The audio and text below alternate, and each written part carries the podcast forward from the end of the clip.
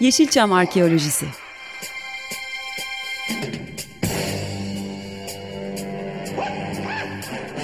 Türk sineması ve Yeşilçam'ın besin kaynakları, emekçileri ve kıyıda köşede kalmış hikayeleri.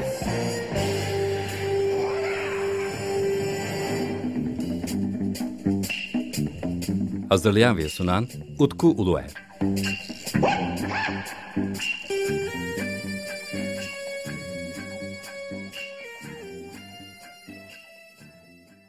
Merhaba değerli Açık Radyo dinleyicileri, merhaba değerli Yeşilçam Arkeolojisi takipçileri.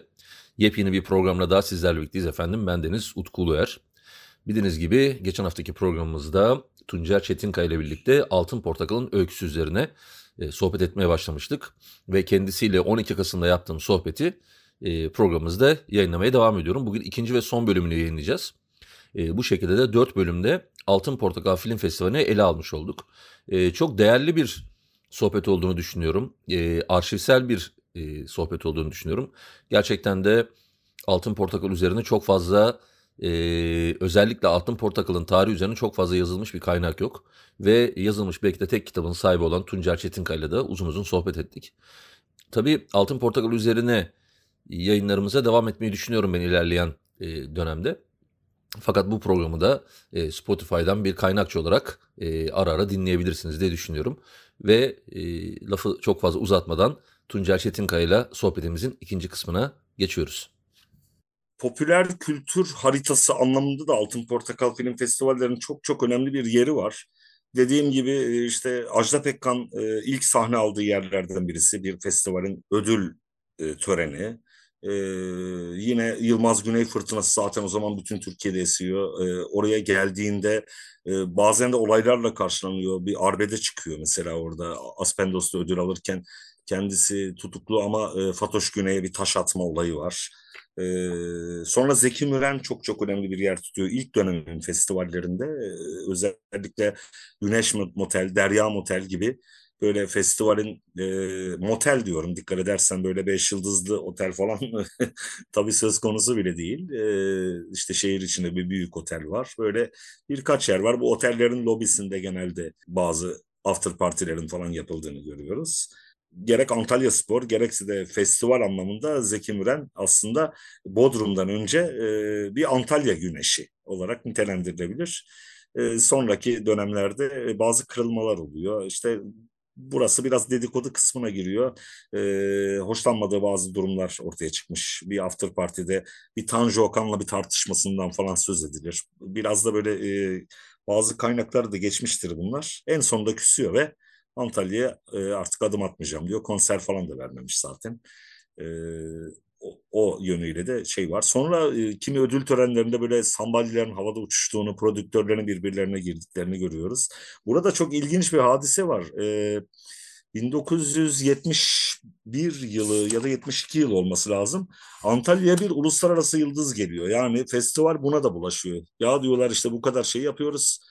Ee, etkinlik yapıyoruz. E, ulusalda artık bayağı bir yol aldık. Yeşilçam falan bizi tanıyor. Artık prestijli bir hale dönüştü sansasyonlarıyla.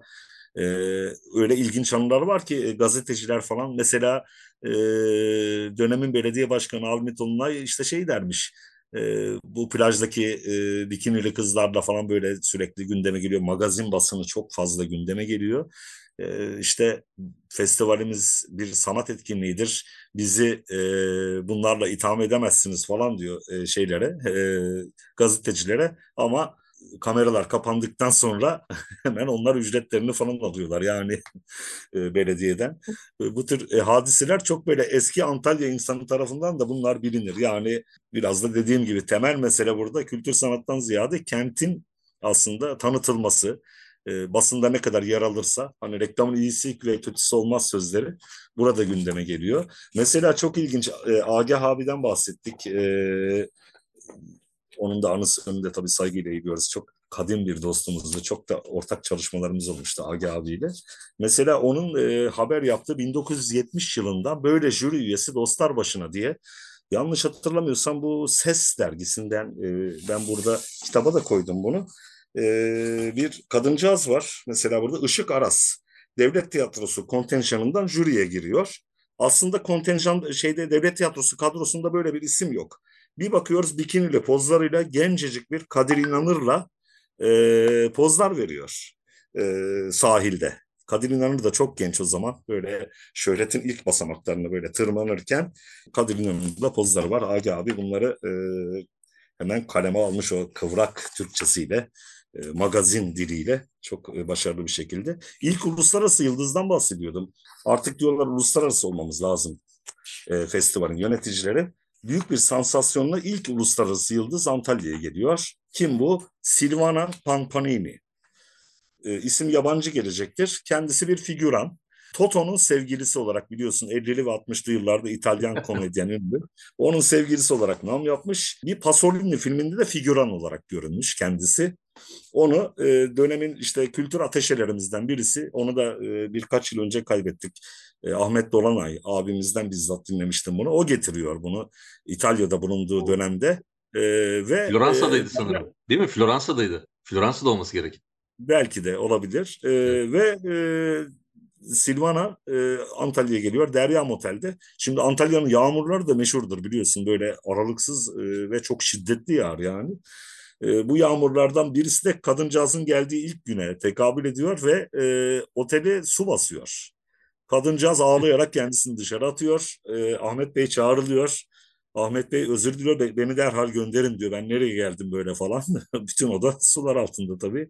Belediye Başkanı'nın Avni Bey'in evine götürüyorlar artık. Ama gelen ilk uluslararası yıldız hatta aynı yıl bir de e, şey yapılıyor. E, Bulgar filmleri haftası Altın Portakal'ın içinde e, gerçekleşiyor. Hani hep bir uluslararası festival ne zaman başladı? İlk ciddi festival 1978 yılında başlamış. İlk uluslararası festival. Çok iyi bir seçkisi var onun ama onun dışında da ilk uluslararası yıldızımız bu 70'lerin hemen başında Antalya'ya teşrif etmişler. 70'ler dediğin zaman hemen benim aklıma geldi. Onu da bir arada e, hemen sormam gerekiyor. Bir, yani başlangıçta e, merak ettiğimi söylemiştim ama tam örnek vereyim. 1970 yılındaki Altın Portakal yani 7. Altın Portakal'da birinci film evet. Bir Çirkin Adam Yılmaz Güney.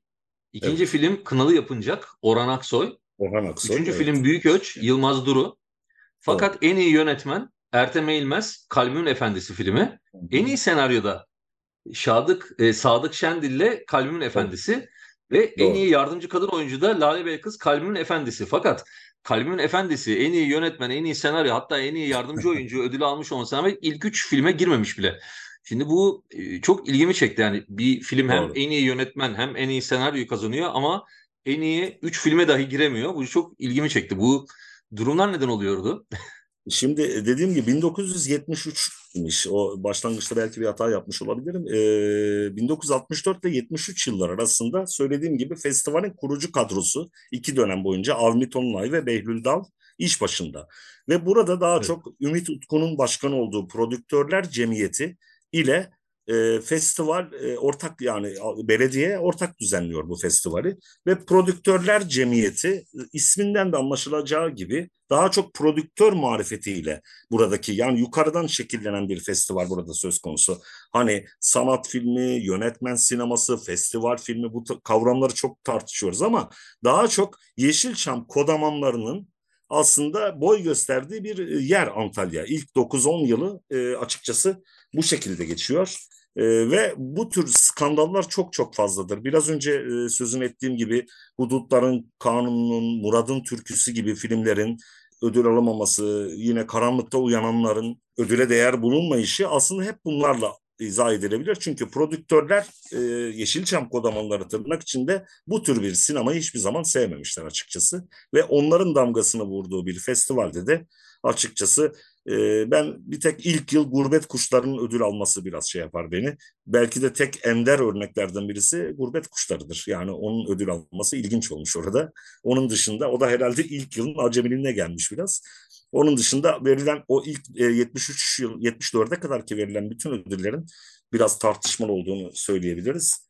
E, nitekim 74 yılında e, ilk defa öyle bir jüri oluşuyor ki e, Selahattin Tonguç'un iş başına gelmesinden sonra yetkin, çok çok önemli isimlerin yer aldığı gerçekten Alim Şerif Onaran, Atilla Dorsay, Mahmut Tali Öngören, Nijat Özön, Sami Şekeroğlu, Semih Tuğrul, Ertem Göreç gibi isimler var. Düşünsene yani bu isimler de bizim hani Sinematek'in iş başına gelmesiyle artık e, layık kadrolar. İlk defa böyle bir jüri görüyoruz Altın Portakal'da. Hani vali yardımcısının, belediye başkanının eşinin, milletvekilinin hanımının olduğu jürilerden böyle bir jüriye geliyoruz. Yani Altın Portakal'da en önemli kırılmanın 1974 olduğunu söyleyebiliriz bu anlamda.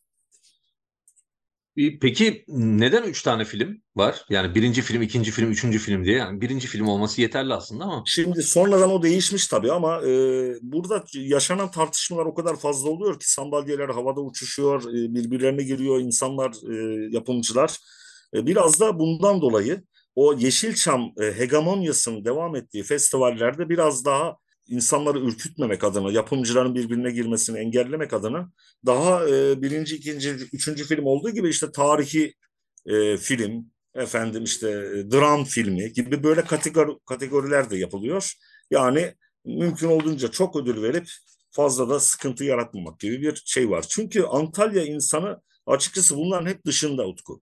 Yani e, gerek organizatörler yani Antalya ayağındaki belediye yetkilileri e, hatta onlar çoğunlukla şaşkınlıkla seyrediyorlar. Yine kavga ediyor bunlar ne yapacağız falan diye. Yani e, sinema olgusuna biraz uzaklar. E, o iç hesaplaşmaları bilmiyorlar. Yılda bir hafta on gün burada o kişileri ağırlıyorlar. Hani işin e, sinemasal ayağı dediğim gibi 1974 yılında Selahattin Tonguç'un iş başına gelmesi ve Sinematek ekibinin e, festivalin sanat yönetimini üstlenmesiyle beraber daha biz sinema konuşmaya başlıyoruz açıkçası o dönemde yaşanan tartışmalar işte sonra 80 sonrası dönem var. Evet. Ee, tabii 90'larda çok farklı bir noktaya kadar gitmeye başlıyor ama Doğru. geçmişte yaşanan tartışmalar günümüze de kalmış mı sence? Şimdi kimi noktalarda aslında kalmış. Ee, aslında şöyle bir şey var. Altın Portakal Film Festivali e, bir anlamda Türk sineması demektir. Yani Türk sinemasındaki bütün iniş çıkışlar, alt üst oluşlar, yaşanan tartışmaların hepsinin zaman zaman ilk yaşandığı platform da mesela Altın Portakal oluyor. Ee, bilmem hatırlar mısın bu 80'lerin son 90'larda böyle yeni Türkiye sineması vesaire bu kavramlar gündeme geldiğinde işte eski ve yeni tartışmaları mesela gündeme geldiğinde Tabut Toru ve Şata'nın yeni bir başlangıç yaptığı dönemlerde falan eski yeni kavgası vardı sinemamızda. Bunun ilk platformlarından birisi altın portakal olmuştur. O dönemde boy boy bütün gazeteler Cüneyt Arkın'ın Güven Karaç'ı dövdüğünden bahsetmiştir mesela bir after party sırasında. Yani bu aslında e, bu ne kadar doğrudur nedir ne değildir bunu bilemem ama oradaki eski ve yeni kavgasının ilk somut örnekleri burada yaşanıyor. Sonra sinemanın daha politize bir hale gelmeye başladığı 1970'li yıllara baktığımızda bir bakıyoruz ki böyle devreye e, Altın Portakal'da ödül olan filmler bağlamında hep bunun somut yansımalarını görüyoruz. Yani Yılmaz Güney ve onun öğrencilerinin işte e, yarattığı yeni ekol aslında burada Altın Portakal'a da damgasını vuruyor. Mesela Madem filminin e, burada e, ödüle değer bulunmasını düşünelim. Yine Şerif Gören'in e, efendim Zeki Ökten'in bunun gibi ustaların tekrar Süreyya Duru'nun böyle çıkması. Örneğin e, sansür çok büyük bir bela ve 70'li yıllar hep aslında san, sansür skandalıyla geçiyor. Mesela 1976 yılında son anda e, işletme belgesi vermedikleri için Süreyya Duru'nun Kara Çarşaflı Gelin filmi katılamıyor festivale. Bir yıl sonra katıldığında adeta bir tavır olarak e, dönemin jürisi Kara Çarşaflı Gelin'i en iyi film olarak değerlendiriyor. Sonra e, tabii Yılmaz Güney'in kesin bir hakimiyetini görüyoruz. Ee, Bu arada mesela, mesela ben ben de Burak Gülgen'le konuştuğumda Cemil filmi de e, evet. bir şekilde sansüre şey olmuş ve altın portakala gidememiş. Tabii. Onu son e, Cüneyt Arkın kitabımızda biliyorsun sen de katılmıştın. Orada yazdım ben onun sansürün belgesini de hatta şey yaptık paylaştık kendi yazımda. E, zaten düşünsene yani biraz da avantür gibi sayılabilecek ama Cemil avantür de sayılmaz. Yani ilginç bir şekilde popüler bir politik film örneğidir. Yani Özellikle ilk Cemil çok enteresan e, anekdotlarla doludur. Onu çok iyi anlayabiliyorum onu sansürleyenleri. Kahramanlarımız Ecevit'in mitingine falan gider hatırlarsan. Ahmet Mekin ve Cüneyt Arkın kendilerini Ecevit mitingini dinlerken bulurlar bir yerinde filmin. E, ilginç anekdotlar vardır. Mesela bak e, 1975 yılında En iyi film Endişe, Şerif Gören'in. En iyi ikinci film Arkadaş, Yılmaz evet. Güney'in. En iyi üçüncü film Zavallılar, yine Yılmaz Güney ve Atıf Yılmaz'ın. Ya bütün bunlarda çok ciddi bir Yılmaz Güney dalgasını görüyoruz. Ee, daha da ötesinde o, da, o dönemdeki festivallerde örneğin Türkiye'den Hikayeler diye bir yarışma yapılıyor. İşte Adnan Bin Yazar ve Fakir Baykurt var bunun jürisinde. Orhan Pamuk'un e, hayatında aldığı ilk ödüldür o. Orada yanlış hatırlamıyorsam ikinci oluyor. Hançer adlı e, özür dilerim üçüncü oluyor Hançer adlı öyküsüyle. İlk kez al, e, aldığı ilk ödül genç Orhan Pamuk'un da yine Antalya'da gerçekleşiyor. Sonra sanatçılar kolektif bir şekilde meşhur bir Antalya'ya Koş diye bir şarkı vardır. Ali Kocatepe'nin bestelediği. İşte Ertan Anapa, Seyyal Taner, İlhan İrem e, gibi e, isimler var. E, mesela Esmeray var, e, Funda Anapa, Gökben gibi isimlerin katıldığı. Sonra bir şarkı yarışması düzenleniyor. E, Altın Portakal Müzik Ödülleri. Söylediğim gibi Yavuz Er Çetinkaya burada birinci oluyor o e, yarışmada e, plastik sanatlar sempozyumu düzenlenip Türkiye'nin bütün önemli plastik sanatçıları, ressam ve heykeltıraşları gelip festival boyunca burada resimler yapıyorlar duvarlara. Bazı simgeler vardır. Örneğin Antalya'nın e, Kara, şu anda Karaoğlan Parkı'nda yan yana duran iki e, simge heykeli var. Birisi el heykeli, bir el şey, şekli yani bu. Kuzgun Acar'ın yaptığı e, Haşim İşcan dönemin Antalya varisinin anısına yaptığı bir eser. Sonra Mehmet Aksoy'un İşçi ve Oğlu tam da döneminin 70'lerin ruhunu gösterir. Ve biraz önce bahsettiğim e, Orhan Taylan'ın belediye işanının e, duvarına yaptığı Promete adlı resim. Bu resim hatta e, Kenan Evren e, Ege Orduları Komutanı iken 1979 yılında Antalya'ya geliyor. Dönemin belediye başkanıyla şehri gezerlerken bu adam kim biliyor musun diye soruyor. Bizzat Selahattin Bey'in anılarından biliyoruz bunu. Tanıyamadım bilmiyorum efendim deyince Selahattin Tonguç e, Stalin diyor o. Stalin'e benzetmiş yani tabii hiç alakası yok yani. Kenan Evren biliyorsun bir ressamdı ama burada e, o göz işlememiş tırnak içinde ressam diyoruz tabii. 1981 yılında hemen resim yok ediliyor. Duvar yıkılıyor yani o resim aslında Antalya'nın sembollerinden birisi olan duvar 1981 yılında e, yıkılıyor. İşçi ve oğlu anıtı e, depolarda çürümeye terk ediliyor, yıpratılıyor. E, yani e, 70'li yılların bütün e, debdebesi, hengamesi ve toplumsal uyanışı aslında bir barış gecesi düzenleniyor. Mesela gelen konuklar Zülfü Livaneli, Rahmi Saltuk, Ruhi Su, Melike Demirağ, Şamar Yurda Tapan gibi isimler Antalya'da. E, ve e, bu gidiş pek e, hoşlanılmamış olacak ki hem sinema üzerindeki sansür artıyor. Önce Maden filmine bir sansür oluyor ama e, festival bunu e, belediye yönetim ve festival bunu e, reddediyor bu sansürü. 1970 ve e, o yıl yapılıyor. Maden hem de ödül alıyor.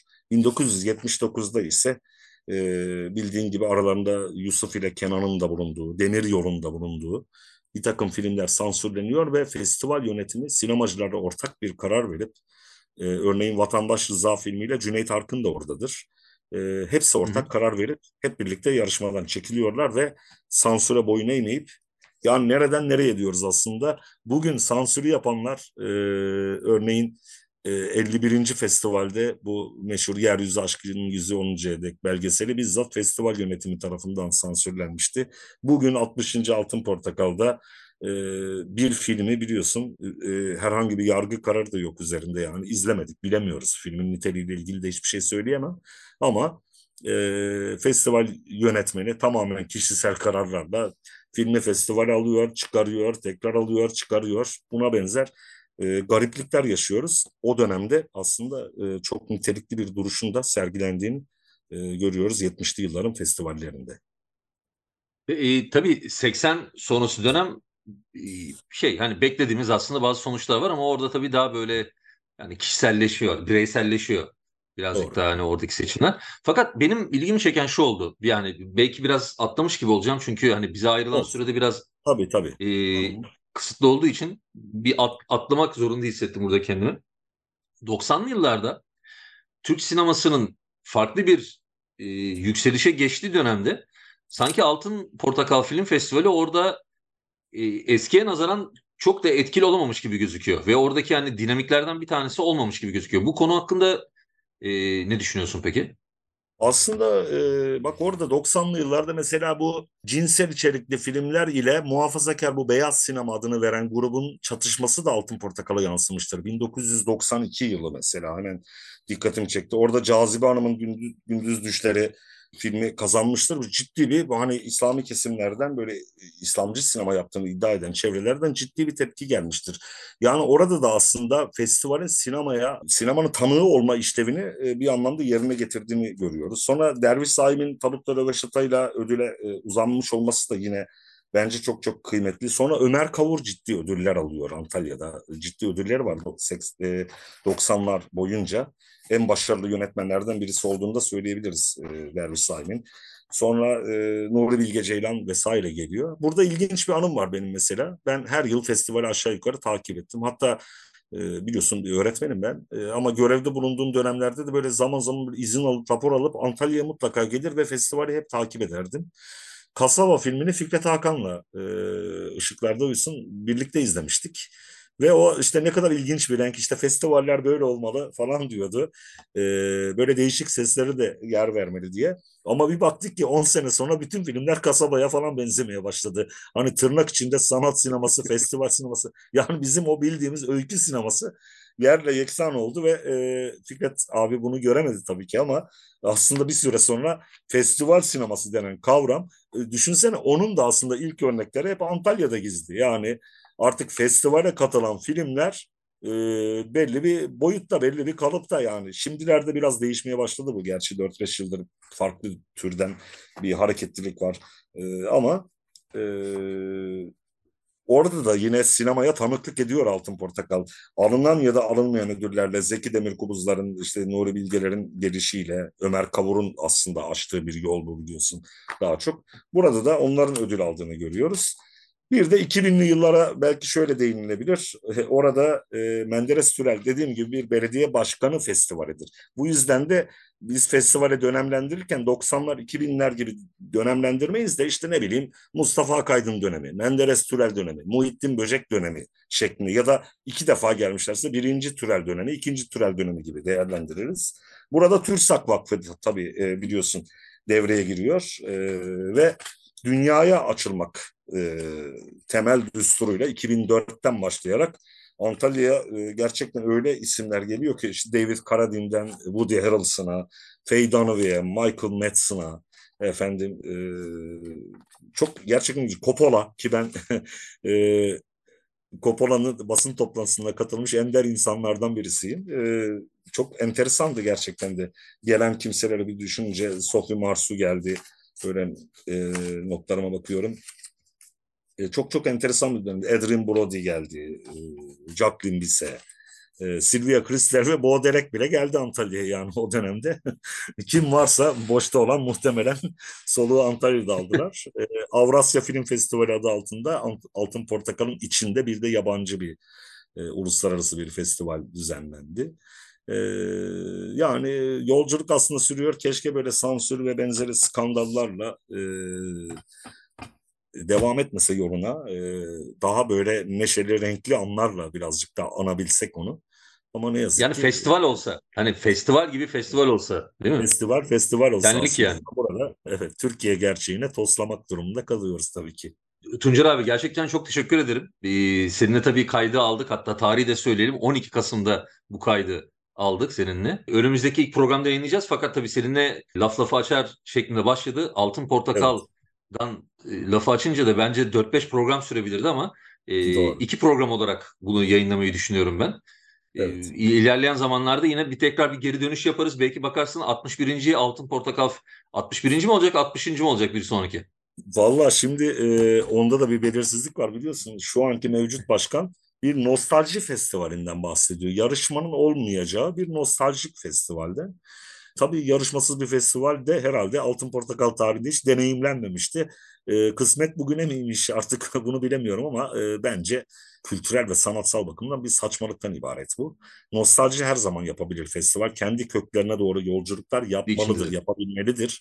Ama bu sansürden dolayı yapamadık ama boş geçmeyelim bari bunu da bu şekilde geçiştirelim mantığında olunca çok doğru olmuyor ne yazık ki. Dolayısıyla yeni gelecek şimdi malum e, gelecek yıl E, Mart ayında belediye seçimleri var. Yeni gelecek yönetim bunu 60 olarak kabul eder mi? 61 mi der? E, bundan sonraki yönetimin aslında inisiyatifine kalmış durumda. Anladım. Ee, belki o zaman yeni bir program yaparız. Tabii. Yeniden Tabii. ele alırız. Yani bu e, sohbetle birlikte dört bölümü Altın Portakal'a ayırmış olduk. Yeşilçam Evet. Arkeolojisi'nde. Çok teşekkür ederim. Gerçekten tamamlayıcı bir unsur oldu. Yani ben tarihleri okudum fakat benim şu andaki en büyük arzum umarım belki de 60. yılı olarak çıkar piyasaya ama Altın Portakal e, kitabının daha geniş kitlelere ulaşması dileğimle diyorum. Çok önemli bir kaynakçı olacak çünkü. Çok teşekkürler Tuncer abi. Ben teşekkür ediyorum. İyi yayınlar diliyorum. Efendim çok teşekkürler. 15 gün sonra görüşmek üzere efendim. Hoşça kalın. Tuncer Çetinkaya'dan e, Altın Portakal Film Festivali'nin kısa öyküsünü dinledik. E, önümüzdeki programlarda görüşmek üzere.